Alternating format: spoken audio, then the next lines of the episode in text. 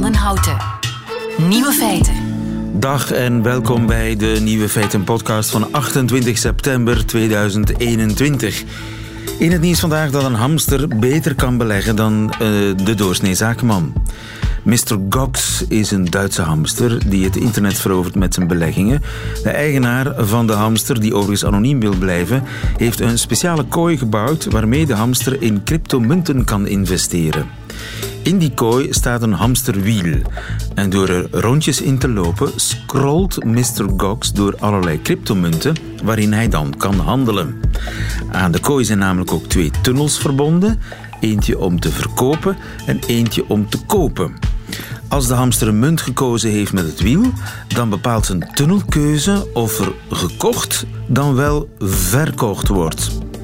Baasje van de hamster begon met zijn project in juni, wilde kijken of een hamster betere beleggingskeuzes zou maken dan de doorsnee zakenman.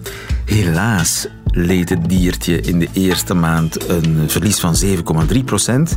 Maar nu twee maanden later is het waarschijnlijk de rijkste hamster ter wereld. Want nu heeft Mr. Gox sinds het begin van zijn carrière al een winst geboekt van bijna 20 procent. En daarmee doet hij beter dan de Dow Jones en het investeringsbedrijf van Warren Buffett. De andere nieuwe feiten vandaag. Er waait een rode wind door Europa. De Sociaaldemocraten hebben in heel veel landen de wind in de zijde. Hoe kan dat nadat ze enkele jaren geleden nog half dood werden verklaard? De huistuin- en keukenkeus is essentieel voor een gezond seksleven, vooral dan bij mannen. Het staartgen is gevonden. En de nieuwe feitenchecker die gaat op zoek naar fake vaccinatienieuws op TikTok. De nieuwe feiten van Johan Terrein die hoort u in zijn middagjournaal. Veel plezier. Amai, amai. Amai, amai. Amai, amai.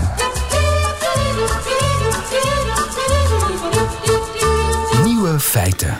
Zou er tegen alle verwachtingen in een soort van rode wind door Europa aan het waaien zijn? Romana Abels is politiek redacteur en schrijft daarover vandaag een eh, analyse in het Nederlandse dagblad Trouw. Goedemiddag, Romana. Oh, Romana, we hadden contact. Ik hoop dat we nog steeds contact hebben. Ik ben hier. Ik, ah, je bent er. Uh, ja. Romana, uh, je bent, zoals ik zei, politiek redacteur bij Trouw. Uh, de Sociaaldemocraten die zijn de grootste partij geworden in Duitsland sinds dit weekend. En zijn in nog veel meer landen in Europa goed bezig. Hoeveel landen Zeker. zijn dat? Zeg eens, noem eens een paar landen. Nou, uh, het begon met Spanje. Uh, en uh, daar won twee jaar geleden de Sociaaldemocraten. Um, en, en toen dachten ze al, misschien is dit het begin van meer.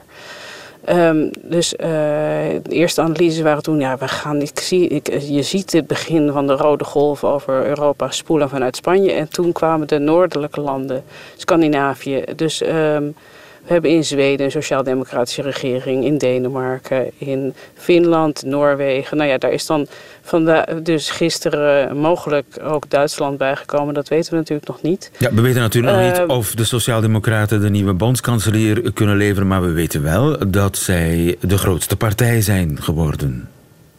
Zeker. Dus en... uh, je kunt je de, de, de vreugde voorstellen. Uh, vandaag, vandaag zijn uh, de, Europese, de sociaal-democratische Europarlementariërs bij elkaar in Malta. Dat was toevallig al gepland. Maar ik denk dat ze daar dansen door de straten gaan op het moment. En Terwijl de voorbije jaren, ja, met name in Vlaanderen en Nederland, was er bepaald een begrafenisstemming bij de Sociaal-Democratische Partij. Het leek wel einde verhaal. Zeker, uh, dat is uh, nou, niet eens in Vlaanderen en Nederland alleen. Frankrijk uh, ook, hè? De, de, ja, je ging naar de internationale, de internationale, daar kwamen dan steeds minder mensen en die werden steeds ouder. wat strompelend naar zo'n congres.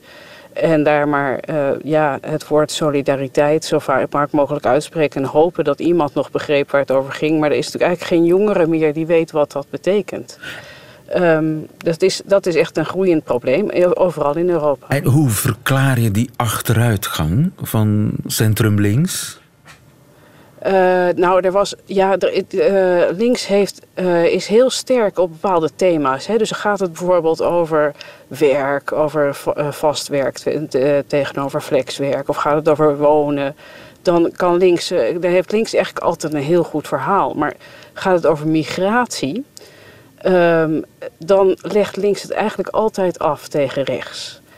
Um, en nou ja, de afgelopen jaren, zeker sinds 2015, is migratie natuurlijk een topthema geweest op de agenda van, nou, de, van de Europese burgers. Um, en daardoor ja, is, dat, is links wat in de verdrukking geraakt. Um, en daar komt dan bij dat, ja, dat ook het taalgebruik niet echt meer aansluit bij jongere groepen kiezers.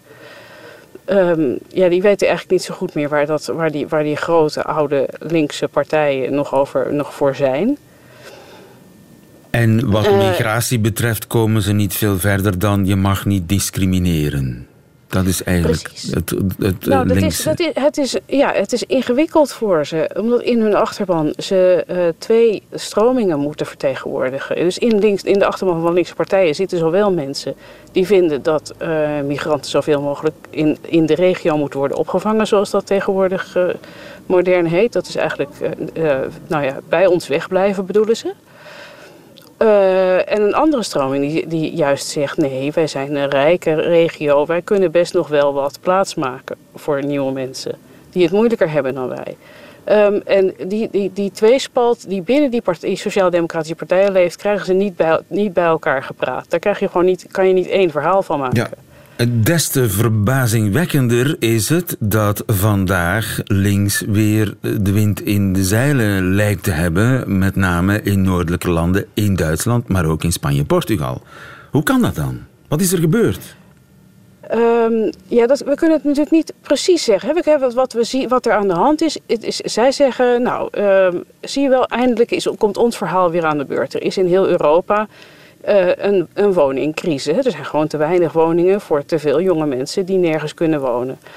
Uh, het kan zijn dat hun oplossingen daarvoor inderdaad worden gehoord en dat dat stemmen oplevert. Ze zijn ook heel sterk uh, bezig tegen die, die flex. Uh, economie. Uh, dus dat je Met al die flexbaantjes vaste... en geen vaste contracten en iedereen voor, voor bijna geen geld moet uh, de meest uh, lange uren kloppen en moeilijke en lastig werk doen. Ja, uh, en geen pensioen en geen vaste lasten. En als je ziek bent, dan moet je het zelf ook maar uitzoeken. ja, dat, dat, daar zijn ze vanuit, vanuit, heel, vanuit heel goed in om daar tegen te strijden. Dus het kan zijn dat dat verhaal wordt gehoord en dat zal voor een deel ook wel een verklaring zijn. Uh, ik denk alleen niet dat het de hele verklaring is. Wat komt er dan nog bij? Um, ik denk eigenlijk een groot deel toeval. Um, in Duitsland bijvoorbeeld uh, ja, heb ik niet per se de indruk dat nou die hele natie zo links is geworden. Dat is niet per se Duits. Uh, en je ziet dat als je kijkt naar de kiezersstromen, dat het vooral zestigers zijn die, naar de, uh, die op de SPD hebben gestemd, op de Sociaaldemocraten hebben gestemd. Die, en diezelfde zestigers hebben de, bij de vorige verkiezingen op Merkel gestemd. En ik vermoed dat ze eigenlijk op zoek waren naar een nieuwe Merkel. Naar, ja, Merkel deed niet meer mee, dus waar moesten ze heen? En toen hebben ze iemand anders uit het kabinet van Merkel gezocht, die een bekend gezicht voor ze was. En dat was toevallig Olaf Scholz, de leider van de Sociaaldemocraten. Dus toevallig zat de, de, de man met de, de meeste gelijkenissen met Merkel zat toevallig bij de SPD en daarom heeft de SPD zoveel stemmen gehaald. Dat zal uh, zeker ook een deel van de verklaring zijn. Dus ja. een deel is ook toeval. Uh, een deel is ja, kwaadheid over al te grote inkomensverschillen, woningnood, uitbuiting, oneerlijkheid. En, en heeft de pandemie ook een rol gespeeld? In die... Zeker, uh, ja. In de, uh, in de pandemie was natuurlijk opeens duidelijk dat de staat eigenlijk een hele grote rol moet spelen. Um, we hebben heel, heel, veel jaren achter de rug waarin uh, ja, uh, ieder, ieder voor zichzelf eigenlijk wel een goede oplossing was. Ja, je moest zelf geld verdienen en zelf maar dat, uh, dat individualisme hoogtij vierde. Er hoefde niet zo ontzettend veel vanuit de staat geregeld te worden. En wat er geregeld moest worden, was er al heel lang. Dus dat was een, waren een soort ja, bestaande feiten. Um, En nu opeens zag je dat die staat die moest supersnel uh, hele grote beslissingen nemen. Uh, steunpakketten, uh, er moesten ziekenhuizen worden leeggeruimd, extra ziekenhuizen gebouwd, testlocaties, ik weet niet wat. En daar heeft de staat uh, overal in Europa en zeker ook in Duitsland echt een, een, een, heel, rol van betekenis gespeeld. En dat is natuurlijk ja, een grote rol voor de staat, is bij uitstek een sociaal-democratisch thema. Ja, nu ook in Vlaanderen, uh, ja, zitten de socialisten, vooruit heten die tegenwoordig, die zitten niet op hun historisch maximum, om het zacht uit te drukken. heeft u een tip voor Conor Rousseau, de voorzitter van Vooruit? Uh, nou, ik zou zeggen, gewoon je, nooit meer weg, nooit weggaan. Want dat heeft dus geholpen bij al die andere landen. Gewoon, eh, zolang je, als je maar blijft zitten uh, en je verhaal maar blijft vertellen, gaan op een gegeven moment de mensen wel weer luisteren. Geloof in je eigen originele ja. verhaal. Ja. Uh, ja. En verander misschien niet je partijnaam. Dat zou ik ook zeggen. Maar... Verander. Te laat, Romana. Te laat, Romana Abels. Dankjewel voor deze wijze woorden. Goedemiddag. Nieuwe feiten. Radio 1. Altijd benieuwd. Kusjes geven, gewoon overdag aan uw lief, thuis, in de tuin of in keukenverband. Dat is allemaal goed voor uw seksleven, blijkt uit een nieuw groot kusonderzoek. Dag Sam, Sam Geuwens. Goedemiddag. Je bent seksuoloog aan de PXL Hasselt. Het zijn collega's van jou in Amerika die bijna 900 mensen hebben ondervraagd over hun kusgedrag. En dan gaat het niet alleen over de tongkus tijdens het vrijen, maar ook over de dagelijkse kus. De kleine huistuin- en keukenkus. Hè? Ja, vind ik prachtig omschreven, inderdaad. Huistuin en keukenkus. De huistuin en keukenkus. En de resultaten zijn verrassend.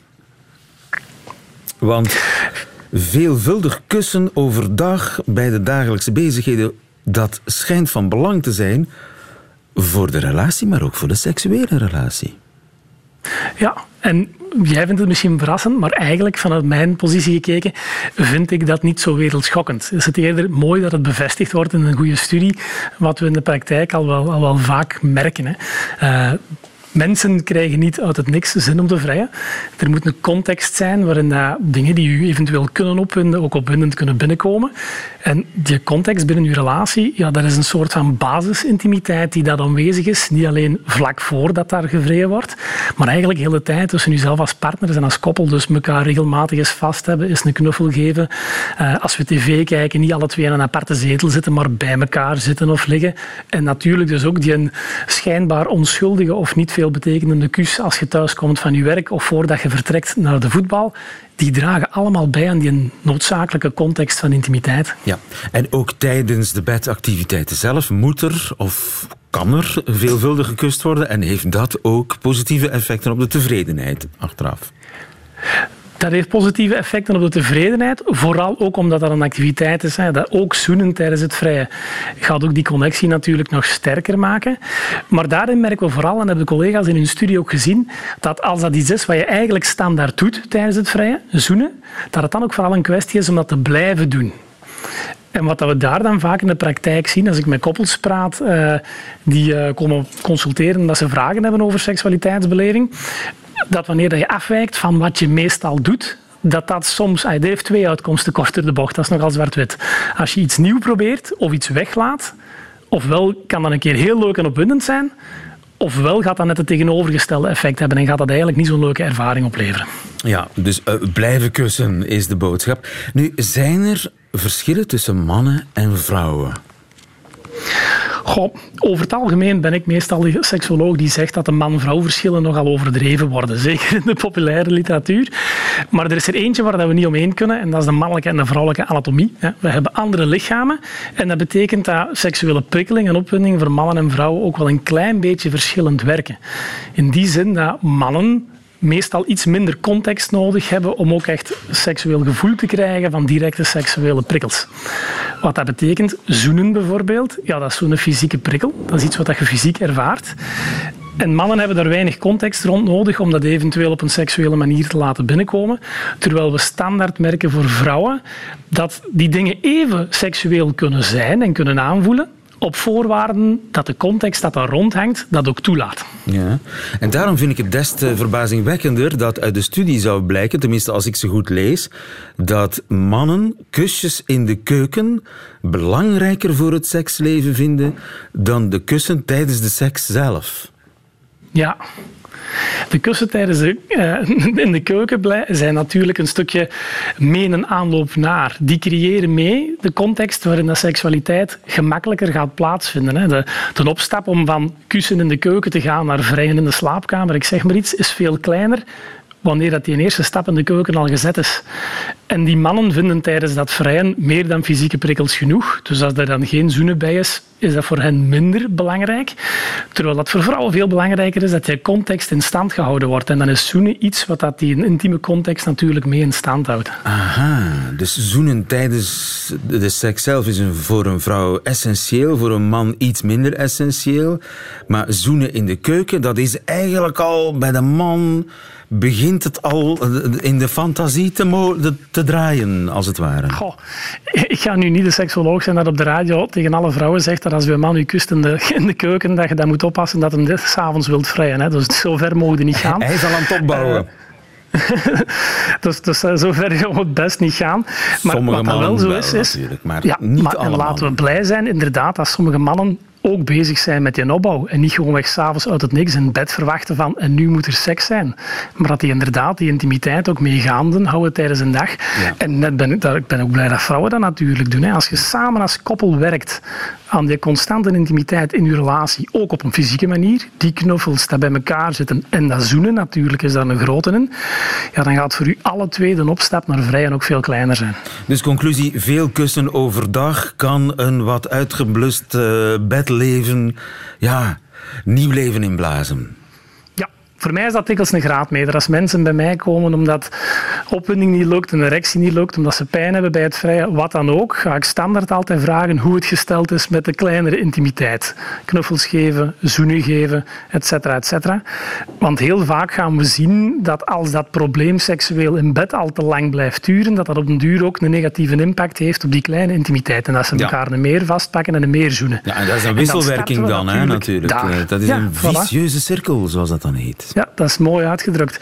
En dan is dat ook het startpunt. Hè? Een koppel dat elkaar meer vastpakt en meer zoent, ja, daar gaan we niet beginnen te werken van hoe gaan we de, de opwinding terugkrijgen tijdens het vrijen. Hè? Nee, dan gaan we eerst die kleine intimiteit terug moeten opbouwen, zodat we sneller terug tot vrijen komen en dan gaan we dan dat vrijen proberen terug op de rails te krijgen. Ik heb het begrepen, Sam. Dankjewel, seksuoloog aan de PXL in Hasselt. Goedemiddag. Radio. Radio 1. Nieuwe feiten. Hij eh, is zoals elke dinsdag zeer welkom eh, in Nieuwe Feiten, onze Nieuwe Feiten-checker. Goedemiddag. Dodelijk vermoeid na een hele week feiten checken. Licht uh, vermoeid. Rien en Marie, ik heb een uh, brief gekregen voor jou. Ja? Van Alexander. Enfin, een mail, ik moet het toegeven. Een brief van, kijk, zou ik eigenlijk leuker gevonden hebben. Maar ja, wie schrijft nog brieven? Alexander heeft twee tieners in huis, schrijft hij, die op TikTok zitten en daar om de oren worden geslagen met fake vaccinatienieuws. Ja. Hij vraagt zich af of dat typisch is. Is dat echt een TikTok-probleem? Fake nieuws. Het is een sociale, Over vaccinaties. Het is een sociale media-probleem. En TikTok is een sociale media-platform. Dus daar komt het ook voor. Het is onvermijdelijk. Zelfs natuurlijk, al is TikTok bedoeld om voornamelijk jonge gebruikers uh, ja, te entertainen heel, het is heel populair bij minderjarigen. Dansjes, hè? Ja, dansjes, zo is het begonnen. Maar er zit dus ook van alles op. Um, en TikTok belooft van, wij doen ons best. We gaan verkeerde informatie over corona of over vaccins gaan we proberen te weren. Uh, maar het is natuurlijk, ze lopen een klein beetje achter de feiten aan en ze kunnen niet alles, uh, niet alles opeens. Heb jij er veel gevonden? Er is er heel veel. En er is, er is recent een klein onderzoek gebeurd, een zeer beperkt onderzoekje, naar, naar negen kinderen die ze laten een TikTok-account openen hebben, van 9 jaar tot 16. Um, en binnen de 35 minuten, door het automatische algoritme van TikTok, hadden ze filmpjes te zien gekregen waar verkeerde informatie over corona of specifieker vaak over vaccins in stond. Ja, zoals deze. Ik heb de bewuste keuze gemaakt om mij niet te laten vaccineren. Ik leef gezond, ik sport elke dag en ik vertrouw op mijn immuunsysteem. Ik ben geen antivaxer, echt niet. Maar er zijn zoveel tegenstrijdigheden en vooral de manier waarop dat de overheid ons nu wil verplichten om u te vaccineren, de controles die ze willen uitvoeren, de, de manier waarop dat ze willen dat je bewijst dat je iets hebt, het, dat klopt voor mij niet. En zo, hoeveel, hoeveel keer is dit bekeken al?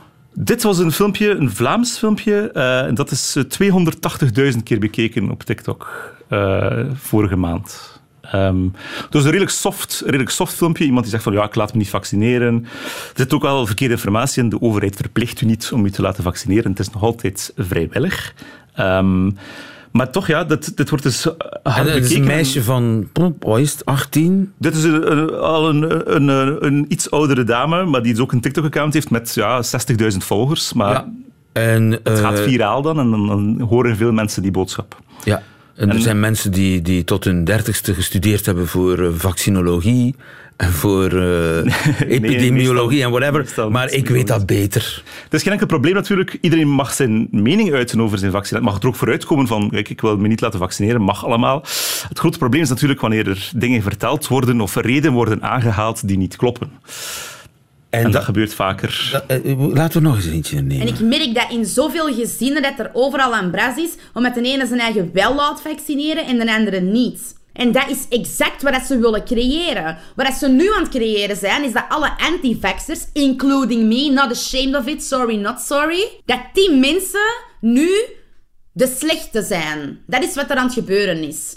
Als er nu nog sterfgevallen zijn van COVID, waar het dan waarschijnlijk van het vaccin is, maar goed, stop maar met denken tot uh, waar dat uw neus gaat, dan zijn degenen die geen vaccin hebben genomen ineens de schuldigen daarvan. Want wij zijn degenen die jullie ziek hebben gemaakt. Als wij jullie ziek hebben gemaakt, wat de fuck was dan het nut van die twee spuiten in uw arm te laten zitten? Ja, het is uh, ja, een logica als een andere natuurlijk. Het is niet altijd dezelfde softe boodschap. Er zitten ook mensen die zich echt opwinden en die zijn ook echt overtuigd van een zaak. Uh, die, die doen dat niet gecoördineerd of die doen dat niet... Want dat is natuurlijk de, de grote vraag. Zit daar een organisatie achter? Overigens 180.000 volgers. Had deze mevrouw, ja, klopt. Deze mevrouw. Dat, er zit geen organisatie achter. Zo het, het, het coronakritische of antivaccinatielandschap in ons land is zeer verspreid. Dat zijn echt tientallen kleine organisaties waar vaak ruzie tussen is. Die, die komen niet echt goed overeen, die hebben een andere insteek. Sommigen zijn eerder uiterst rechts, anderen komen vanuit de natuurbeweging. Er zijn allerlei manieren. Er is daar geen links-rechts uh, vak in te zien. Weet dat? Het, is, het, is, het is zeer breed.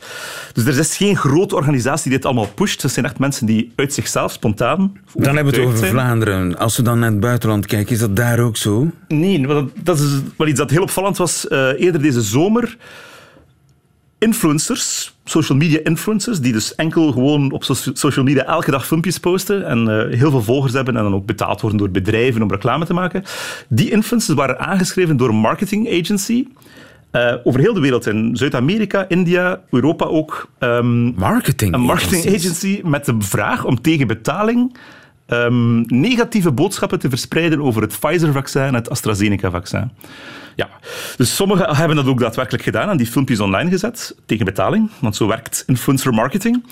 Maar anderen hebben uh, de, de, de, klok geluid en gezegd van kijk, we hebben hier dat, dit aanbod gekregen. En toen zijn mensen beginnen zoeken van, van waar kwam dat? En dat was dan een van de schimmig Russisch marketing agency. We weten uiteindelijk zelfs nog niet wie er precies achter zat.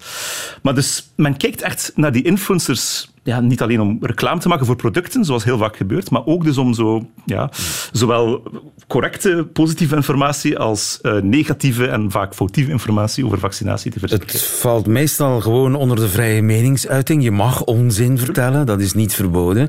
Het antwoord daarop zou bijvoorbeeld kunnen zijn, we gaan zelf ook influencers inschakelen om ons, de boodschap waar wij achter staan als overheid dan, uh, bij die jonge mensen te krijgen. Ja. Je, je, glimlacht er een beetje. Ja, dat gebeurt ook, uh, dat gebeurt ook uh, bij ons in Vlaanderen iets minder.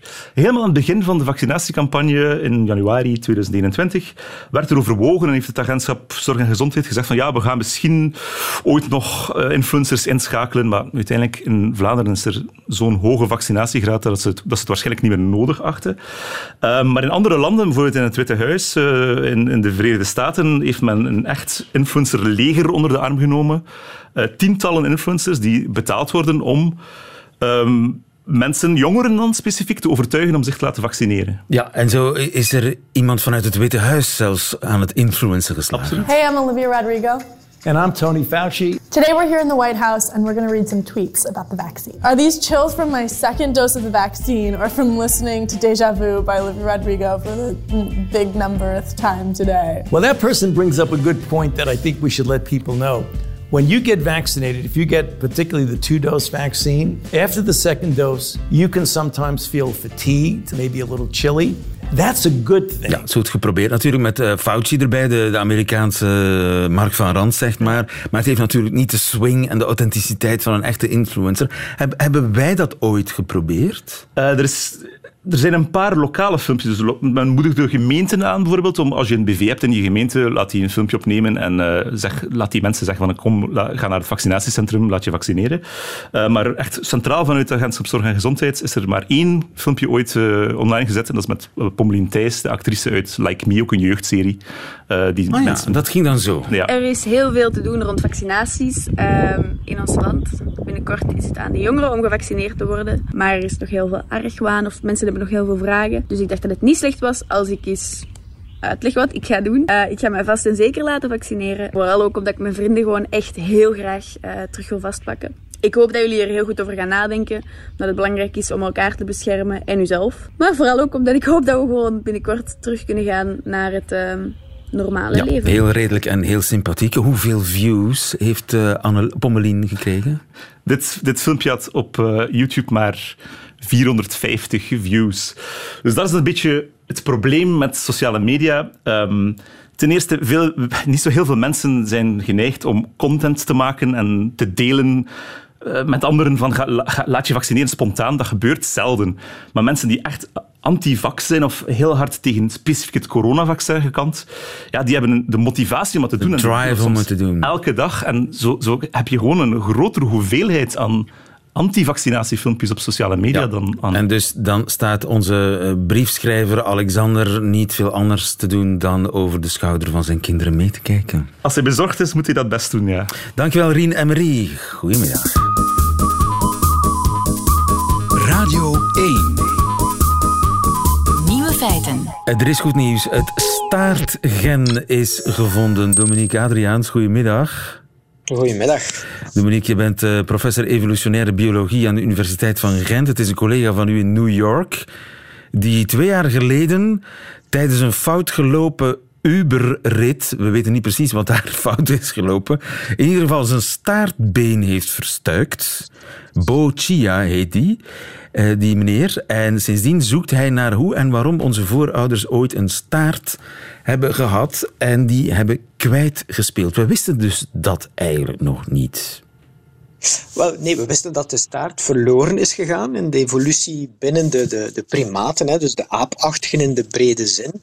Um, als je naar alle halfapen kijkt, naar alle apen kijkt, dan hebben die een duidelijk uitwendig zichtbare staart. Bij een ja. aantal soorten kan dat relatief kort zijn, maar er steekt altijd iets uit. Ja, dus er zijn apen met een lange staart en er zijn apen zonder staart, of met een heel kort staartje. Met een heel kort staartje. Maar als dus... je kijkt naar mensapen, daar zie je niks uitsteken. En dat is iets dat natuurlijk een vraag was voor evolutiebiologen, van wat is daar juist gebeurd? En nu heeft men daar iets beter zicht in wat de genetische achtergrond zou kunnen zijn. Ja, er is een bepaalde genetische mutatie ontdekt die aanwezig is bij die mensapen zonder staart en die ja. niet voorkomt bij apen met staart. Inderdaad, inderdaad. En sterker nog, men is erin geslaagd om muizen te kweken zonder staart. Ja, maar dat is wel een belangrijke stap geweest in het onderzoek. Hè? Want je, je kan uiteraard wel altijd gaan kijken van waarin verschillen bijvoorbeeld mensapen van andere primaten. Um, maar dan weet je nog altijd niet van ja, maar als we nu een verschil vinden, is dat dan de verklaring waarom de staart is verdwenen? Dus dan moet je nog ergens die twee kunnen koppelen en dat probeert men dan dikwijls te doen door onderzoek te doen op proefdieren waar dat men dan een bepaalde mutatie um, tot stand brengt of zo. En om dan te zien van, kijk, komt dat anatomisch dan ook tot uiting? In dit geval dat er iets met de staart misloopt, of dat die korter of afwezig is. En dat werd inderdaad bevestigd door dat met die muizen te gaan uh, Je kunt de staartknop aan- en uitzetten bij een muis. Dat vind ik al geweldig nieuws. Nu, uh, die mutatie destijds, die apen die hun staart verloren, dat dateert van ongeveer 20 miljoen jaar geleden. Wat zou het evolutionaire voordeel kunnen zijn geweest van geen staart? Ja, wel, dat, daar heeft men al, al lang verklaringen uh, proberen voor geven. En in die zin dat als je kijkt naar de, de meeste apen, die lopen op vier poten bovenop de takken. Net zoals dat andere zoodieren op vier poten op de grond lopen. En dan is een staart zeer handig om het evenwicht te helpen behouden. Want als je uh, loopt, dan ga je met je hoofd wat op en neer, dan ga je ook een beetje naar links en rechts. En dus die staart zorgt eigenlijk voor een tegenbeweging voor het evenwicht. Als je op die tak loopt. Op, als je, en zeker als je op de takken loopt, dan is het wel belangrijk van het evenwicht te behouden. Want als je natuurlijk gewoon op de grond valt, als je op de grond loopt, is het niet erg. Maar als je in een boom loopt en je valt van de takken, dan, dan is het wel een probleem. Maar dan de mensapen, daar is een verandering gebeurd in de manier van voortbewegen. Die zijn eigenlijk gaan hangen met de armen onder de takken en gaan slingeren met de armen. En daar kan je natuurlijk je evenwicht niet verliezen. Je kan je grip verliezen dat je van de tak valt, maar je kan moeilijk je evenwicht verliezen als je onder een tak hangt. En dus is eigenlijk die staart als balanceerorgaan daar overbodig geworden. En mogelijk zelfs een nadeel, omdat het dan een gewicht was die daar aan hing. En dat zou kunnen verklaren waarom het laat ons zeggen, evolutionair toegelaten was dat die staart is kunnen verdwijnen. Ah. Maar daarmee weet je nog niet aan, maar hoe is dat kunnen gebeuren, genetisch of op een andere manier. Ja.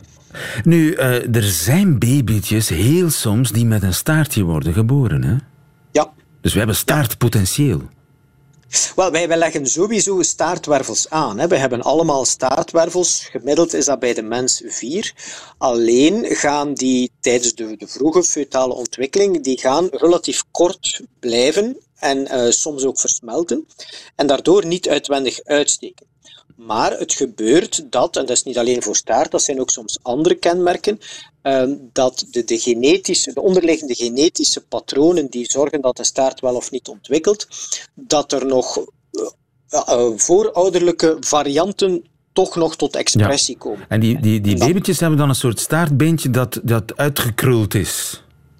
Ja, die hebben dan eigenlijk meerdere staartwervels die een beetje langer zijn, waardoor dat er nog een uitwendig zichtbare staart is.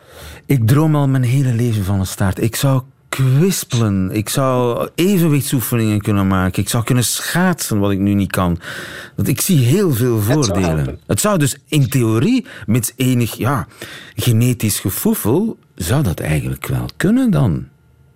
Ja, en, en, zeker nu men weet waar het aan ligt, waarom dat het bij de mensapen uh, verdwenen is, want het is blijkbaar een zeer eenvoudig uh, genetische verandering die is opgetreden, die kan verklaren, hè, men heeft dat dan bij die muizen bijvoorbeeld ook gedaan, en daarvan een derde van de muizen had geen of nagenoeg geen staart. Um, dus dat zou kunnen. Ja, en, en besef ook eens welke voordelen het voor de mode-industrie, want die kunnen allerlei nieuwe broeken ontwerpen, waarbij de staart uit de broek, in de broek, een, een speciaal staartgaatje. Ik droom er al jaren van. Dankjewel, Dominique Adriaansens, voor dit goede nieuws, waarmee we alle nieuwe feiten meteen hebben gehad van deze 28 september 2021, behalve die in het leven van Johan Terrein. Ik ben benieuwd. Dit is zijn middagjournaal. Nieuwe feiten. Middagjournaal. Beste luisteraar, lang heeft het niet geduurd voor ik wist welke hashtags ik nodig had voor mijn gevoel van ik heb hard gewerkt, ik verdien iets, ik verdien een ervaring die me even uit de sleur haalt. U kent dat vast ook, die snelle verzuchting naar er even tussenuit. Aan een hangmat in Hawaii heb je dan niet veel, maar als je even door Instagram schuifelt, vliegen de hashtags staycation en glamping je digitaal om de oren. Mijn oog viel op een tent, op een vlot, midden op een meer in de polders. Je vaart er met een kano naartoe en je levert je dan over aan het absolute niets. Ik wist het meteen toen ik het zag. Dit is de ervaring die ik zoek. En niet zo lang geleden zat ik ook daadwerkelijk in die kano. Elke peddelslag bracht me dichter bij de belofte op een beloning. Elektriciteit of vuur was niet op het vlot aanwezig en er werd ons aangeraden om nog voor valavond het oord van belofte vlotjes te bereiken. Dus gingen we maar kaas en wijn eten, tenminste, de wijn gingen we drinken. Voor vertrek moesten we nog even ondertekenen dat we niet zouden gaan zwemmen en niet overmatig alcohol zouden verbruiken. Ik vroeg of één fles rode wijn voor twee personen te veel was. Weet ik veel wat ze in de polders overmatig vinden. In elk geval was het meteen duidelijk: echt rock'n'roll is zo'n glamping niet. Geen luidruchtige drankfestijnen, geen skinny dipping. Op een glamping bezorg je elkaar namelijk geen overlast. De kanotocht en de kabbelende tent moeten qua ervaring volstaan. Maar dat is net wat je komt zoeken natuurlijk. De ervaring van de verstilling, weg van het drukke leven. Om vijf uur s ochtends werd ik wakker van een eend aan de andere kant van het zeil. Charmant, dat hoort erbij, dacht ik toen nog. Tot het zich op gang trok. Het lawaai van de ons omringende snelwegen. We leken wel omsingeld door verkeer. De vogels konden er net niet tegenop. Om zes uur zat ik buiten op het vlot. Tenminste, dat schat ik zo, want de batterij van mijn smartphone was inmiddels leeggelopen. Ik had me voorbereid op een op- en neerdeinend bed, een kabbelend slaapje, het gefluister van een roerdomp en een waterkiekje in mijn oren, het ochtendgloren dat een oranje gloed in de tent strooit, instant Instagram, de ervaring van de verstilling. Maar het werd het gezoem van motoren die me uit mijn slaap hielden. Ik bedacht in plaats van het woord glamping het woord lawamping en smeet het weer weg in het water. Je wil een ervaring die je uit de sleur haalt? Wel, dit is er een, zei ik tegen mezelf. Je krijgt gewoon niet altijd de ervaring die je verwacht. Natuurlijk is natuur in Vlaanderen per definitie altijd een eiland in een zee van beton. En als je op Instagram op zoek gaat naar verstilling, krijg je zelden een foto van oordopjes te zien. Met die gedachte legde ik me rond zeven uur weer neer op het bed en viel in een al even ronkende slaap.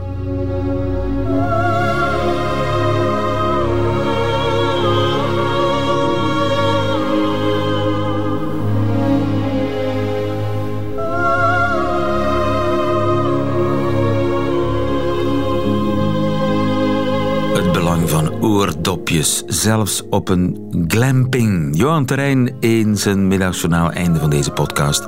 Hoort u liever de volledige nieuwe feiten met de muziek erbij, dan kan dat natuurlijk via radio1.be of via de Radio 1 app. Tot een volgende keer.